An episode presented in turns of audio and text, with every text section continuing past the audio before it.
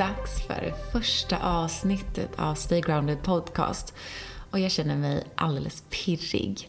Självklart på det här lite nervösa sättet, men framför allt för att energin bara känns så rätt. Jag har varit nyfiken på det här mediet ett bra tag, men ska faktiskt erkänna att jag känt mig lite blyg för att det blir ju väldigt intimt. Jag heter Sofie Kraft och idén till den här podden föddes när jag tog över Grounded Factory för några månader sedan. Som då var en klassisk webbshop för unikt designade yogamattor med hållbarhetstänk. Som vi nu håller på att utveckla till en wellnessplattform. Vi har ett Grounded Magazine med spännande innehåll och artiklar inom wellness och hälsa. Grounded Experiences som är retreats och events och nu podden Stay Grounded. Det känns så kul för att här kan jag ju få möjligheten att bjuda in alla de här personerna som jag är nyfikna på och som jag inspireras av och dela det med er. För jag tror verkligen på att vi är varandras lärare. Min bakgrund ligger i yoga och meditation och soundhealing. Och jag skapar wellness retreats runt om i världen och älskar att lära mig nya saker. Så det här känns som ett riktigt häftigt äventyr. Och jag tänker att vi kommer lära känna varandra längs med vägen genom de här olika ämnena vi kommer prata om. Jag kommer även att dela vissa avsnitt som är guidade meditationer som du kan ta till dig just precis när du behöver. Det har blivit dags för er att få lära känna dagens gäst. Och det kändes som en självklarhet för mig att bjuda in henne till det här första avsnittet. Det är en person som betyder väldigt mycket för mig och eh, jag pratar om Iman Malmberg, grundaren av Grounded Factory. Vi träffades för första gången för ungefär kan det vara redan sex år sedan, när jag kom tillbaka från Indien med en yogalärarutbildning i ryggsäcken. Innan dess hade jag bott i USA i många år. Och Iman blev lite av min första nya vän när jag kom tillbaka till Stockholm. Vi träffades då jag hostade ett stort yoga-event på Clarion Sign här i Stockholm. Och vi yogade på Grounded Factory yogamattor. Så jag träffade Iman och blev helt förälskad i henne. Verkligen en riktig girl crush. Jag tyckte hon hade sån härlig karisma och energi. Och efter det så började jag eh, samarbeta mycket med henne. Jag hostade nästan alla hennes pressevent. Hon var ju också då en startup. Eh, jag blev lite av ansiktet utåt för hennes produkter och jag använde mig av hennes yogamattor på alla mina retreats och events. Så det blev en väldigt fin symbios mellan oss. Och därifrån fick vår vänskap växa. Och idag så har vi rest runt världen tillsammans. Vi har till och med delat säng i veckor i Costa Rica. Jag har bott hemma hos henne när jag inte hade någonstans att ta vägen i Stockholm. Ja, det har varit en resa. Eh, och jag är så otroligt tacksam att hon är en så stor del av mitt liv. Eh, det kändes väldigt speciellt att få bjuda in henne hit och vi är lite pirriga och nervösa och det är ju framförallt konstigt att sitta och spela in ett samtal med sin bästa vän som man hänger med nästan dagligen. Men jag tycker att det blev ett härligt avsnitt och kul för er att få lära känna Iman, den här magiska kvinnan som är, ja hon har varit med om så mycket. Så jag hoppas att ni kommer tycka att det här är ett inspirerande avsnitt och att ni fortsätter hänga med mig på det här härliga poddäventyret. Välkomna!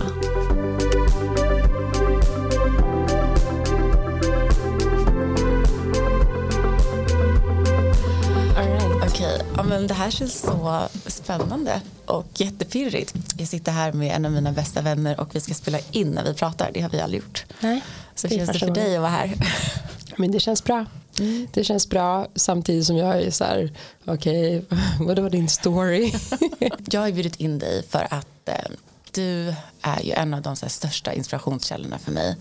Och eh, dels liksom hur du har levt ditt liv, allt du har tagit för dig, men framför allt kanske nu med Grounded Factory som jag precis har tagit över och i och med Grounded Factory så har jag startat den här podden där jag just vill lyfta människor, lära mig mer om livet, höra liksom livshistorier, om någon har någon speciell kunskap man vill dela med sig. Mm. Så därför kändes det helt självklart för mig att bjuda in dig som var liksom grunden till Grounded Factory.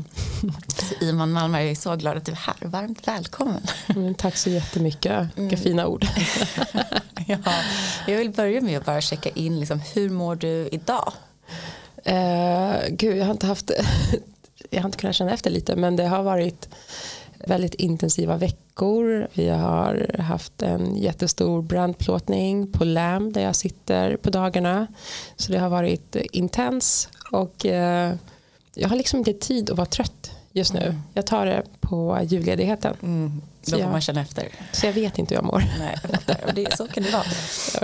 För de som inte känner dig som inte vet vem du är. Många som har sett eh, kanske min Instagram eller nu Ground Factory har ju säkert sett eh, bilder på dig och mig för att vi har gjort så mycket så här, härliga resor tillsammans och hänger mycket dag till dag. Mm. Eh, men vi är ändå hyfsat nya vänner senaste fem, sex åren. Mm. Och innan dess så hade jag ingen aning om vem du var. Så jag var lite nyfiken, så här, hur, eh, vill du berätta lite om vem du är och, och vad du gör för de som inte har sett dig eh, tillsammans med mig eller på dina egna projekt. Mm, det är absolut inte konstigt i och med att jag inte är en publikfigur. Så att, eh, jag utgår från att folk inte vet vem jag är. Vem fan är man liksom? Ja, men det är den svåraste frågan. Ja. Mm. Okej, okay, mitt namn är Iman Malmberg. Jag är 35 år. Jag är uppväxt i Tensta och Husby. Eh, två förorter i västerort här i Stockholm. Mm, jag har även två barn som är 10 och 8 år. Mm. På, på dagarna så sitter jag på LAMP där jag jobbar som event och brand manager. Har varit här i ungefär ett och ett halvt år sedan de slog upp dörrarna. Mm. Och innan det så um, jag hamnade egentligen här för att jag drev Grounded Factory och de behövde köpa in yogamattor och så fick jag en ja, förfrågan om att göra lite events och så, så, så blev det. Mm, sen hamnade du här. Ja, så hamnade jag här. Du hamnade på, på LAMB. Och vad har lett dig upp till, eh, till att du, liksom, hela Grounded Factory? Mm. Eh, det jag känner, en sån likhet som du och jag har är att vi båda kanske har varit ganska så sökande, äventyrs, eh, lyssna, eh, tonåringar, kanske lite rebelliska, mm. gått vår egen väg ganska tidigt. Mm och eftersom att jag känner dig nu så har jag ändå hört många av dina liksom, otroliga stories. Allt eh, skit har du fått höra. Allt skit och det är det som, är så här, det som formar oss. Ja. Så kan vi inte backa lite? Du berättade att du är uppvuxen i i förorten. Men hur var dina liksom, tonårs, vet, när man börjar hitta sig själv, hitta vad man är för mm. eh, den personen man vill bli. Eller, vet, jag brukar ofta säga att här, min, mitt liv börjar typ efter gymnasiet när man mm. lite kanske flyttar hemifrån eller gör sin egen, egna resa. När började den så här, äventyrs, eh, liksom, hitta dig själv? Eh, mm. Alltså, jag, jag har velat resa så långt bak som jag kan minnas. Alltså sen, alltså sen jag var liten så har jag bara pratat om att jag vill resa. Mm. Och jag kommer ihåg första gången när man som ung fick hem en sån här IF-katalog. Mm. Det, var ju, alltså det var ju väl där kanske första drömmen om att resa och se världen började på riktigt. Att man faktiskt kan göra det och att man kan ta sig runt på egen hand.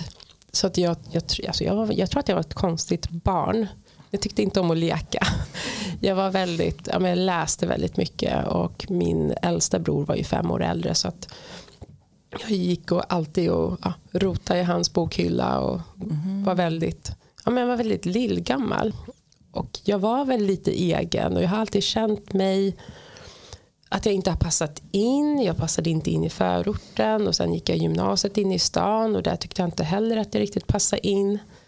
Um, och jag minns att jag alltid längtade efter att bli vuxen. Mm. Det var min stora längtan, att bli vuxen och få göra vad jag ville själv. Kunna bestämma över ens liv. Det, var, det, var en, det är en känsla som jag kommer ihåg som var väldigt stark inom mig.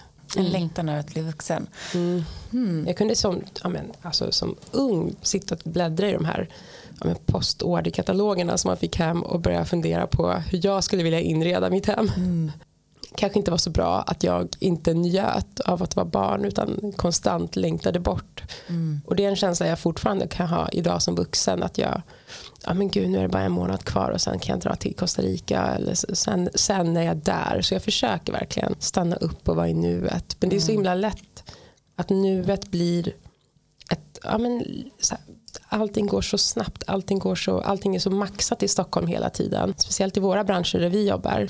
Då blir det lätt att hela tiden tänka att jag ska vila, jag ska, jag, när jag kommer dit, då ska jag stanna upp. Ja, det är väl det som är det svåra, att hitta balansen i. Att ha drivet, att man mm. vill framåt, att man vill att saker ska hända men att även kunna här, stanna upp och få njuta längs med vägen. Mm, verkligen. Um, men om du, om du vill berätta om någon sån här um, vet, Iman bryter sig loss, eh, börjar bli vuxen-resa. Jag vet ju att du har rest runt ja, men dels med dina barn liksom på, på ryggen vandrandes i Costa Rica eller varit i bergen i Nepal. Mm. Är det någon sån här resa som har format dig lite mer? Som du kanske har känt att så här, det, här, det här kommer jag alltid komma ihåg. Det här är något som har blivit en stor del av min utveckling. Mm, absolut.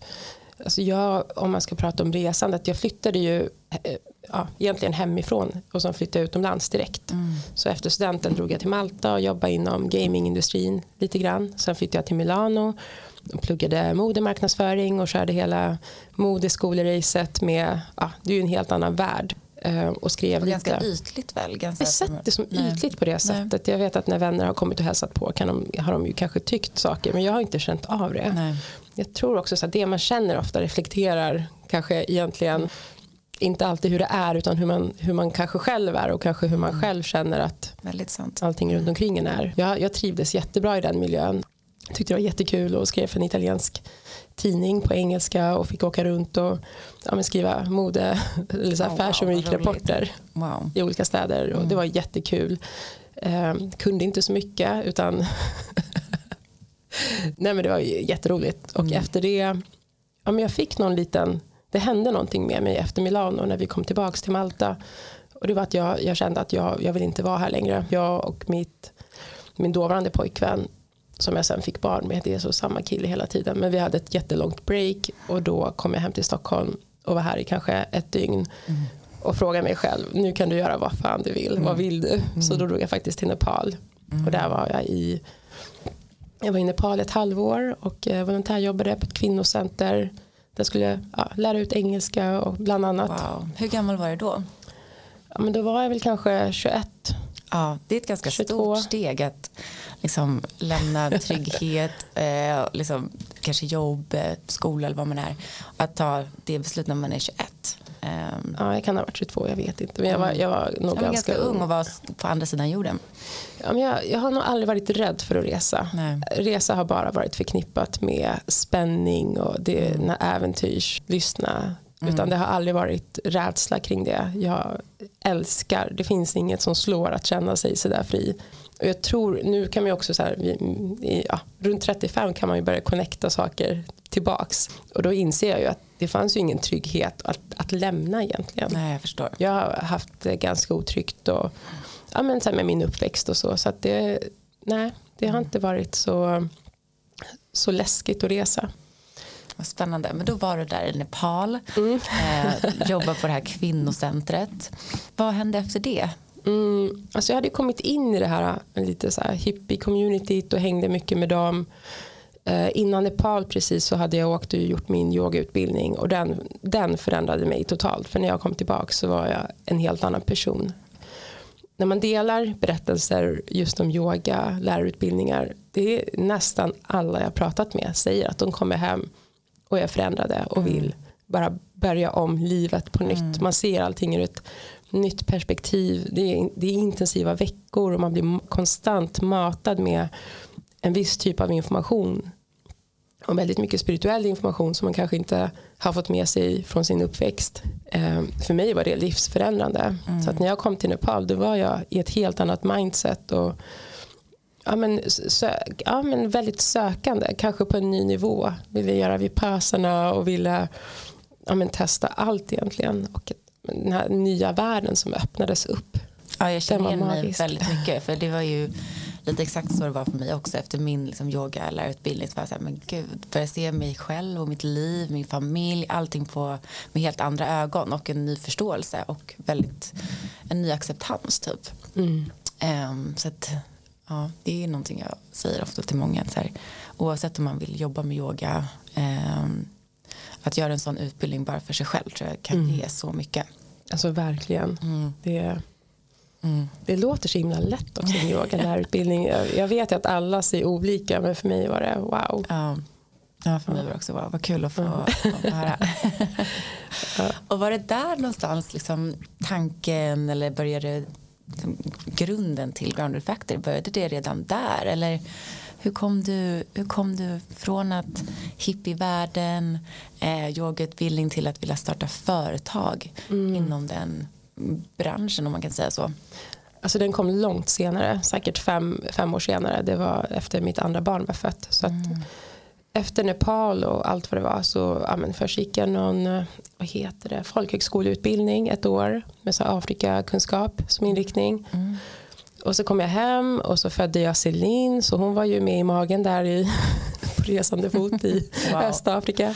Och jag måste stoppa här nu för jag vet ju faktiskt en liten hemlig story. Det kanske inte är hemligt men jag vet ju hur du fick reda på att du var gravid. Och det här är faktiskt en historia som jag tycker är värd att nämna Ivan.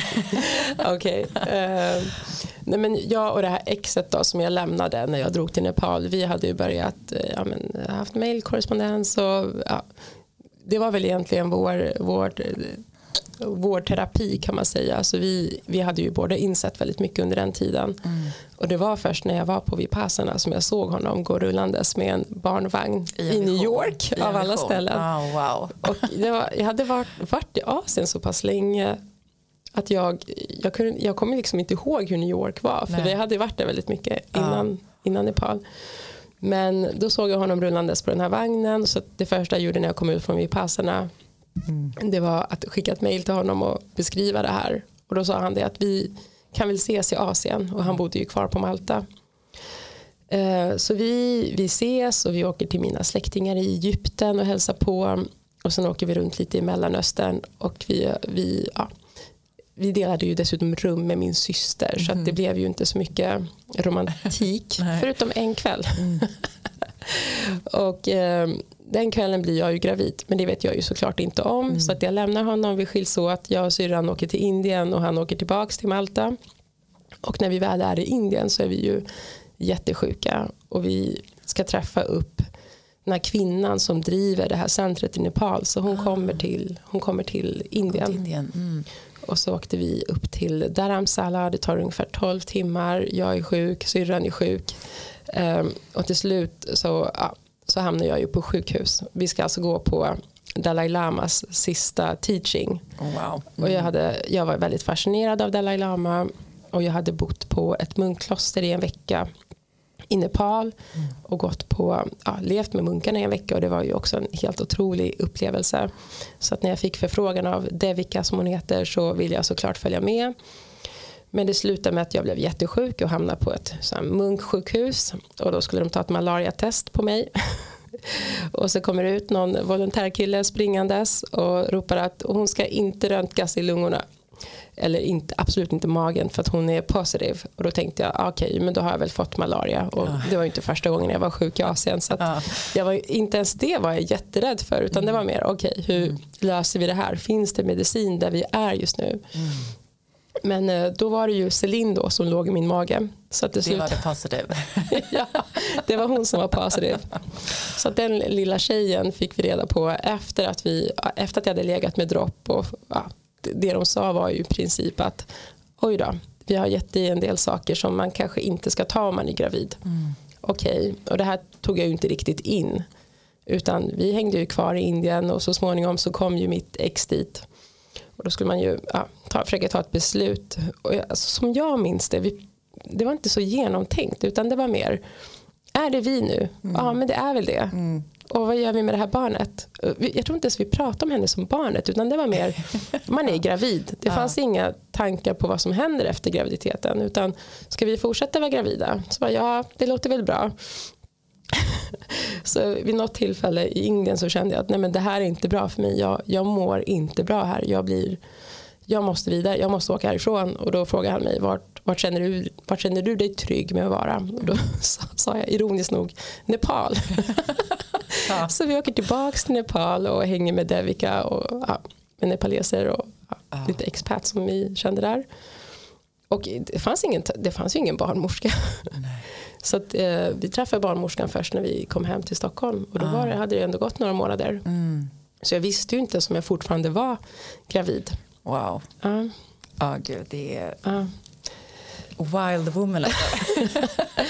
Ja, liten, eh, liten sido, sidosvar på din stora fråga. Men eh, nej, Grounded Factory föddes inte då utan den kom långt senare.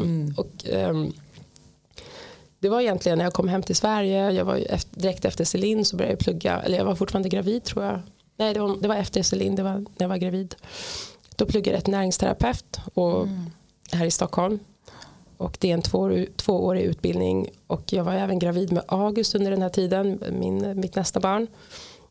Och det enda jag tänkte under hela utbildningen var att jag inte kommer starta eget. Och det insåg jag inte förrän i slutet på utbildningen att ska du jobba som näringsterapeut så blir du på något sätt nästan som en coach. Du jobbar på samma sätt, du ska hitta egna kunder. Och det, det, fanns, det fanns ingen längtan till den typen av arbete för mig och speciellt inte starta eget.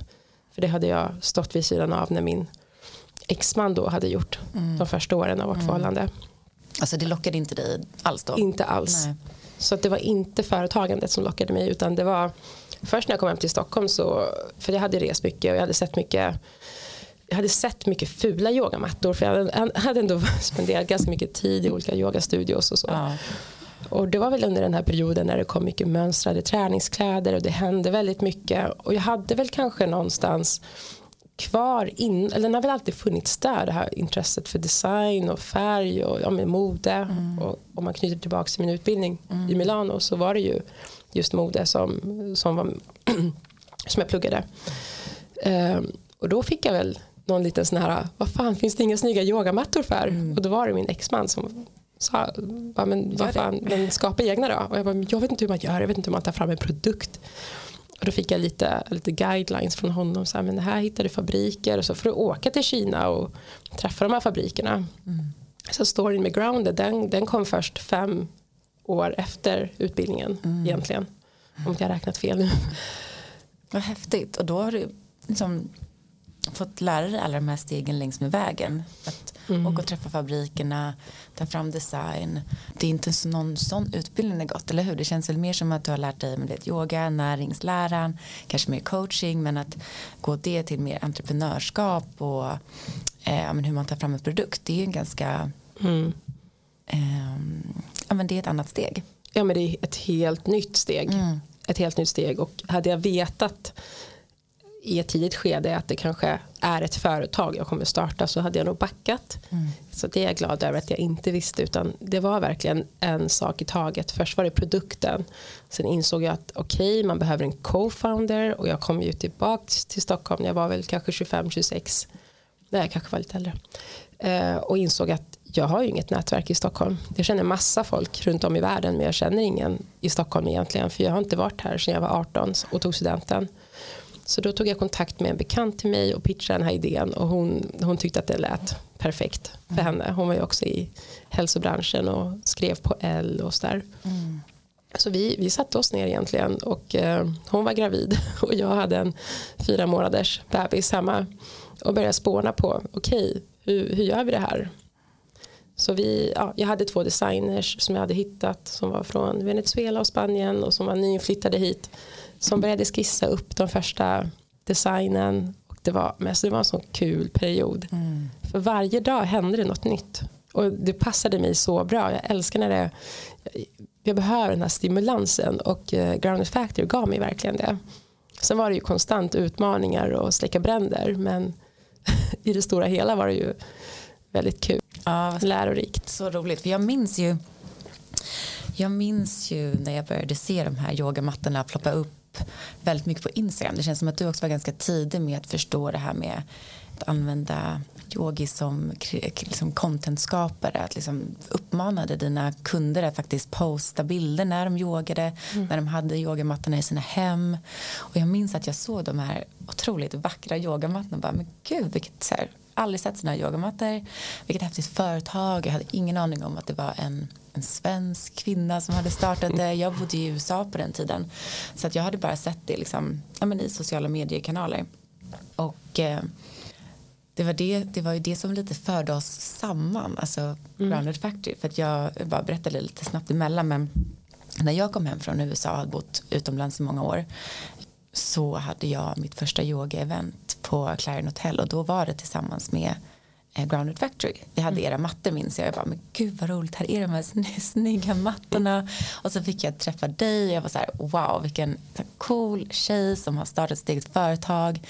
Och det var lite som att vi fick en ja, men liten girl crush på varandra känns som. Mm. För sen efter det, det var då vi började jobba med varandra. Mm. Eh, och liksom, du höll på med dina event, du var i en startup, jag hade precis kommit tillbaka till Stockholm så därför står det ganska lika ändå att vi båda har bott utomlands under de första tidiga 20, 20 åren när man, säger, när man är 20 plus mm. och sen komma tillbaks och eh, liksom komma tillbaka till Stockholm med en här nyfiken på vad kan vi göra här mm. vad är min plats här och eh, Grounded Factory blev ju en sån viktig eh, väg in till mig faktiskt och det är ju tackat dig för många gånger men jag vill mm. är så Tack. glad och tacksam för det för det gjorde att ja, men det kändes så kul att komma tillbaka till Stockholm för mig och få liksom, hjälpa dig på din resa och du hjälpte mig på min. Det känns som att vi har haft sånt fint eh, liksom, ja, men det här ge och ta hela tiden mm. i en, som sen utvecklades till en jättefin vänskap. Men verkligen, det är jag så himla glad för, mm. verkligen.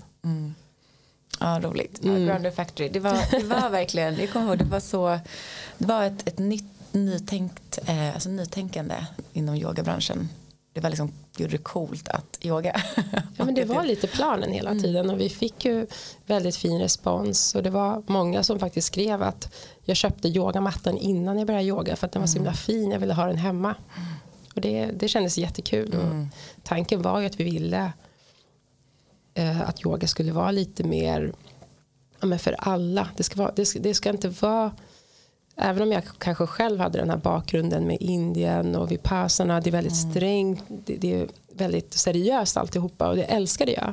Men att man ändå ville göra yogan lite lekfull och få alla att förstå att yoga är ju även att sitta fem minuter och meditera eller yoga är ju också att bara ta en paus under dagen mm. eller när man kommer hem och bara andas lite och landa och komma tillbaks till sig själv igen. Mm. Är det här mm. någonting som du fortfarande har med dig i, ditt, i din, din vardagsliv? Mm. Kan du komma tillbaka till att så här, påminna dig själv om de här yogiska filosofierna? Mm, alltså jag är ju jag är en sån som kan, ja, jag, jag är väl på mattan varje dag. Det är en sån naturlig del mm. av mitt liv också för att jag är väldigt men jag, jag, tror att jag är ganska lätt stressad och det är, det är mycket intryck och det händer saker och det är, det är jobbet och livspusslet och kidsen och även fritiden är ju mycket, i och med att jag jobbar mycket med events och hostar mycket events så går jag också mycket på andras events så att det, för mig är det en jätteviktig del av min dag att mm. få landa på mattan. Helst med dig. det har vi haft vår lunchtradition ja. när du sitter på Lambie i alla fall. Ja. Ja, det, är, det är fint att du fortfarande tar med den. Att så här, man kan få in den som en rutin. Mm. Att ha det som så här, min må bra stund. Jag brukar ju mm. kalla det för så här, min me time. Ja, är oavsett om det är träning eller yoga eller bara sitta och andas. Liksom. Mm. Ja, men just idag eftersom att vi spelar in på lunchen då kommer jag in extra tidigt i morse bara för att få den här stunden ensam. Ja. Nej, det är viktigt för mig. Det är superviktigt. Utan yogan hade jag inte mått så bra kan jag säga. Nej, vad fint. Jag vill gå vidare lite som från grounded så har ju nu jag har tagit över det. Mm. hela efter våra år av att jobba tillsammans. Och för de som inte har hört innan jag tänkte bara, bara berätta lite snabbt om liksom den övergången. Var så fint med vår så här, vänskap med den fina så här, dansen när vi följt varandra. För du berättade ju för mig sen att men nu börjar jag känna mig lite klar för att du är ju också en sån här idéspruta. Du har ju så mycket idéer. Dels med det du gör på Lambo alla event. Men sen att du också startade ditt, eh, ditt nya varumärke Bear. Mm. Och eh, då frågade du mig. Du bara, men jag har inte så mycket tid och energi för Grounded längre. Men skulle du vilja ta det vidare?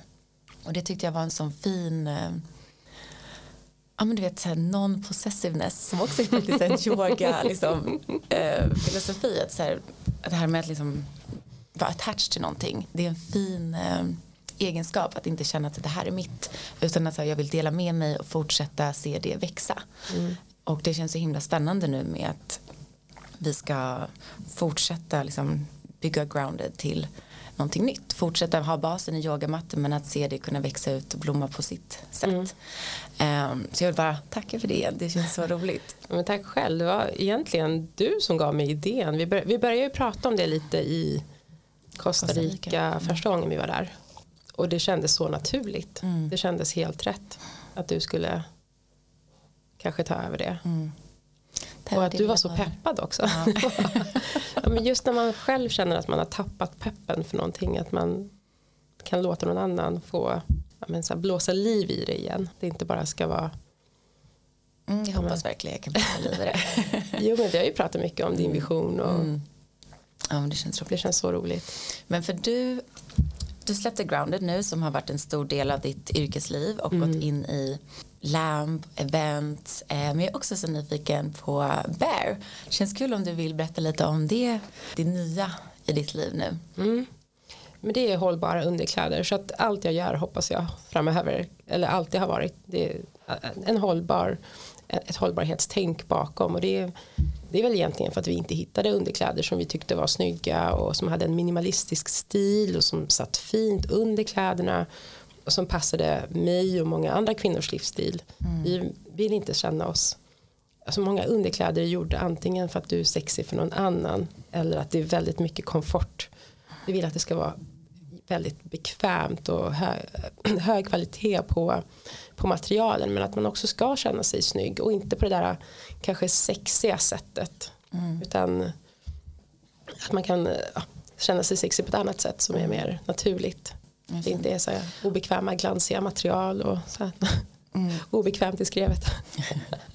Men tror du det här tanken på hållbarhet har det kommit eh, liksom tack vare dina resor runt om i världen att du kanske har sett eh, många andra kulturer, hur folk lever, eh, miljö? Mm, ja men det tror jag absolut att det har. Sen har det också, det har varit en stor, stor del ja, men, i och med näringsterapeututbildningen och jag var ju en liten hälsonazi och har varit både vegan och vegetarian i många år mm. um, och inspirerats väldigt mycket. Jag har ju for, fortfarande kvar inspirationen i det här naturliga och ja, mm. hållbara. Jag köper nästan bara second hand kläder mm. för det mesta. Um, tänker, försöker även tänka så när det är möbler, köper cykel. Ja. ja. men äh, absolut, det är klart att det finns ett, äh, ett viktigt tänk bakom det för mig. Det är någonting som jag älskar när vi är på resor. Då, blir jag, då går jag också tillbaks i tiden känns som med alla dina huskurer och så här, du har ju så många bra tips på, du vet när jag reser med Iman då är det så här, det vi har i ansiktet är ju typ honung och kanel. Mm. Eller jag slutar, jag slutar använda schampo och balsam för att du har lärt mig hur, hur du kan använda äppelcidervinäger. Eller, jag älskar de här uh, små husmorstipsen. Uh, ja men precis, lite komma tillbaka till det naturliga. Ja, lite. back to basic. Ja, det är så uh, skönt att resa lätt mycket. också. Mm, ja. Allting finns ju när du kommer fram. Det är bara att gå in på en supermarket egentligen. Ja. Mm. Sen är, ju, är det såklart inte hållbart att resa och det är jag väl medveten om men jag tänker att om man åker och stannar länge mm. versus att åka hela tiden och flyga. Mm. Kunna åka men att man inte flyger lika ofta kanske. Absolut. Mm. Att ta hand om naturen mm. där man är. Och när man är där också att man tänker på kanske bo på något familjeägt lite mindre ställe mm. och ja, gynna kulturen i det landet och kanske inte bo, nu gillar inte jag stora hotell och där ändå. Mm. Har du något eh, drömresemål eh, där du inte har varit än? Liksom har, mm, det är helt klart Peru som lockar extremt mycket just nu. Jag vill vandra i Machu Picchu och ja, få se lite mer av den kulturen. Mm. Jag tror att eh, det, det blir nästa äventyrsresa. Men efter det här kommer jag åka till, i vinter blir det Bali. Det, min kropp behöver inte äventyr just nu, den behöver återhämtning och vila och bara få gå runt barfota är det en tydlig röst inom dig som kallar dig när du behöver din återhämtning? Kan du, har du lärt känna har du lärt känna dig själv på det sättet att du kan lyssna på de här signalerna? Mm, det tycker jag. Och jag har också lärt mig att när jag inte lyssnar på dem för det gör jag ju inte alltid mm. utan det ja, men jag, jag vet att jag kan inte åka nu i januari det får bli i februari jag vet ju att oftast när jag pushar saker så kan det gå lite ja, men, att det rinner över mm. man till slut är helt utmattad och både mentalt men också fysiskt. Så det är absolut. Mm. Lyssna på kroppen mer för att den, den talar om vad den behöver. Det Ja. Det det är typ någonting som jag försöker leva efter så mycket också. Så här, stanna upp och lyssna. Men det är ju det som är det svåra. Att om man bara kör på eh, då är det svårt att hinna. Eller det är svårt att uppfatta de här signalerna. Mm, verkligen. Men också att det är så många andra involverade i jag, menar, jag kan inte checka ut från jobbet en vecka nu. Fullt ös. Jag kan inte checka ut från barnen för deras pappa är bortrest. Då får man bara försöka komma in lite tidigare och yoga. Man kan inte checka ut från livet heller. Ja, men det, det är ju så svårt. Det är ju, det är ju så många andra involverade. Det är inte, man, jag lever inte singelliv där jag bara kan ja, skita i allt några dagar. Livspusslet, den ständiga så här, balansen och klara det. Ja, så det är ju, det, och det säger jag absolut inte att jag klarar av galant utan alltså jobbet är en så stor del av ens liv så att mina, mina kids hänger på jobbet ibland och ingen hjälper dig att checka in på Soundhealing. Ja, exakt. Eh, de har ju också förstått, de har ju varit med alltså redan på förskolan så den öppnar ju inte förrän 8.30 var ett event. Innan ja, om mattorna skulle vara där vid sju då fick vi åka hela familjen och så fick de hjälpas åt att bära, bära in och, så att för dem är det ju inte främmande det är inte konstigt alls utan de är ja, men de har blivit uppfostrade i den här startupkulturen sen driver även deras pappa en startup och pappas fru driver en startup så att det Ja, men det, Det finns i familjen. väl väldigt mycket livs... Alltså, det finns inte så mycket separation mellan jobb och vardag utan ni lever ju er livsstil liksom följer ju med Mm. eh, på något sätt. Jo men det gör den, absolut.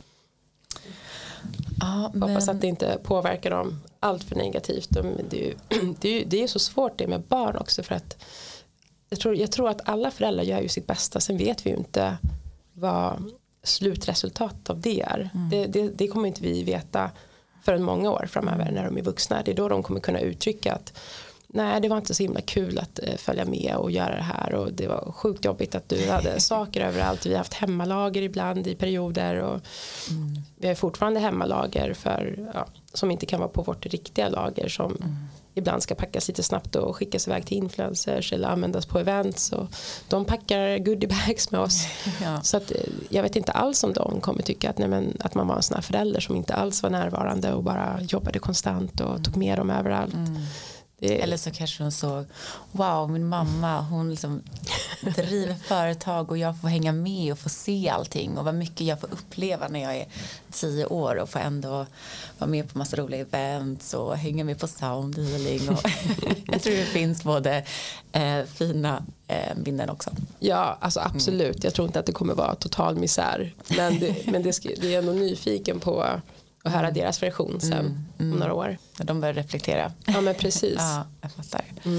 Men vad kul. har du någon, några så här framtidsdrömmar liksom, drömmar nu? Är det någonting du drömmer om för framtiden? Mm.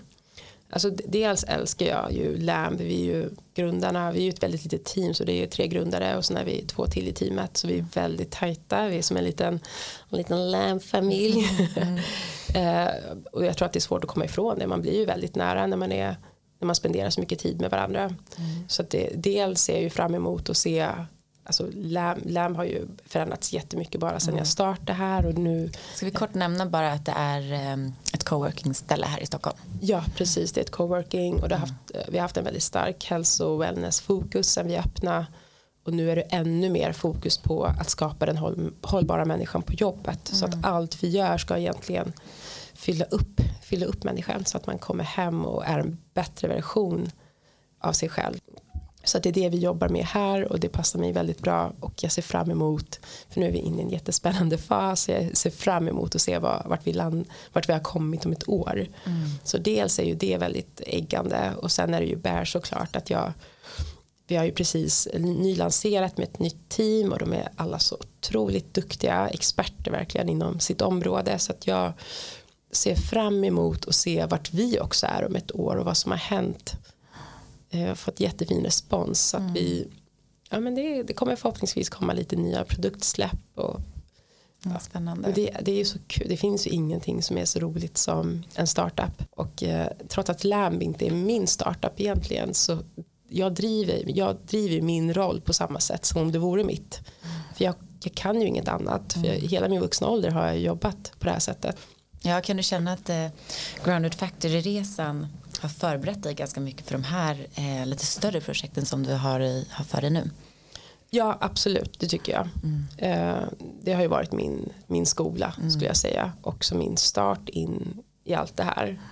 För jag tror att många som startar egna saker och som kanske inte har rätt utbildning, de har ju oftast, och jag, jag har absolut också varit där, att man har lite ja, akademisk ångest, som man säger. Att gud, vad är jag är bra på egentligen? Och kan, jag kan ju inte det här, men å andra sidan så har man fått så mycket men, praktiska praktiska år mm. där man bara har fått lära sig allting och lära sig vad det innebär att snabbt kunna lösa ett problem och snabbt komma framåt och hit, hela tiden hitta en ny väg. Så det, det har varit absolut jättestort, jättestor, en stor utbildning för mig.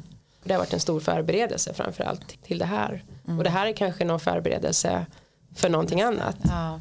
Man vet ju aldrig, det är som är spännande med livet. Nej, man, man kan man inte planera så mycket. Inte. Men många har ju så femårsplaner och jag, jag, jag har faktiskt inte det utan jag, jag vågar lita på livet och att det Förhoppningsvis om jag skulle få drömma eh, fritt så jobbar jag kanske heltid med, med Bear om fem år. Jag vet inte. Mm. Det återstår att se såklart. Mm, det ska bli spännande att följa vad det blir för små frön som får växa. Mm.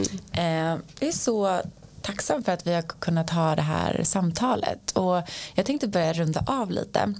Och jag undrar om du, om du skulle vilja ge våra lyssnare något litet tips eller så. Liksom, podden heter ju Stay Grounded. Så jag vill bara undra, har du något tips om hur vi kan försöka vara lite mer grundade, hitta tillbaka till oss själva i den här ganska stressade världen som vi lever?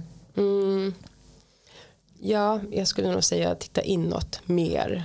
Eh, bryr sig mindre om uttryck utifrån och kanske fundera mindre på eh, vad människor tycker om en och man tar rätt eh, karriärval hela tiden utan hela tiden lyssna inåt. Vad är det jag vill? Känns, känns det här bra? Känns det här bra i magen? Att man inte ska vara rädd för att lämna en dålig relation eller en arbetsplats där man inte trivs eh, livet är för kort. Jag tror att det finns något och någon för alla.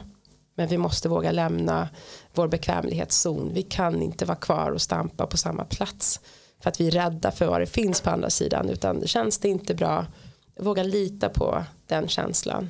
Och, och samma sak när det kommer till vänner och ens sociala liv också tycker jag. Att man eh, måste kunna gå vidare och inte hålla fast vid saker hela tiden som inte känns, känns bra i magen. Mm. Så. så. titta inåt och var ärlig, alltså bara våga vara ärlig mot sig själv mm. framförallt. Lyssna på, höra sin egna röst. Mm. Ja. och det har jag själv svårt att göra ibland. Det går ju så fort allting i Stockholm. Det är först när man landar som jag kan höra, vad jag, höra, höra min, mitt huvud och höra vad jag känner efter vad jag egentligen tycker och känner. Så då får man rulla ut yogamattan och sätta sig där och lyssna lite. Exakt. Gärna ja, på en tyst plats. Exakt. Ja. på toppen av Nepalsberg. ja, jag saknar Nepal nu. Ja, wow. Jävla skit. Mm. Ja. Men du Ivan, eh, så himla fint att du eh, tog dig tid och träffa mig här. Sitta och, även fast det mm. känns lite märkligt att sitta med mikrofon och hörlurar och prata med sin eh, vän som man hänger med nästan varje dag. Men det kändes så fint att eh, vi tog den här tiden och få lyssna få lära känna dig lite, känna bakgrunden till Grounded Factory, höra om, om dina resor och dina framtidsplaner med Bear och Lamb. Bara tacka dig så fint att, att du har varit med och att du är min nära vän. Mm. Tack för att du ville ha med mig. Det känns jättekul. Och stort lycka till med Grounded Factory. Jag har full tillit till att du kommer ta det precis dit du vill. Mm. Du är en fantastisk vän och så jäkla smart och så duktig så att jag är stolt över att ha dig som bästis. Alltid varit min, alltid varit min största hejaklack och jag är din. Ja. Mm, tack för det. Kram. Puss puss. Tack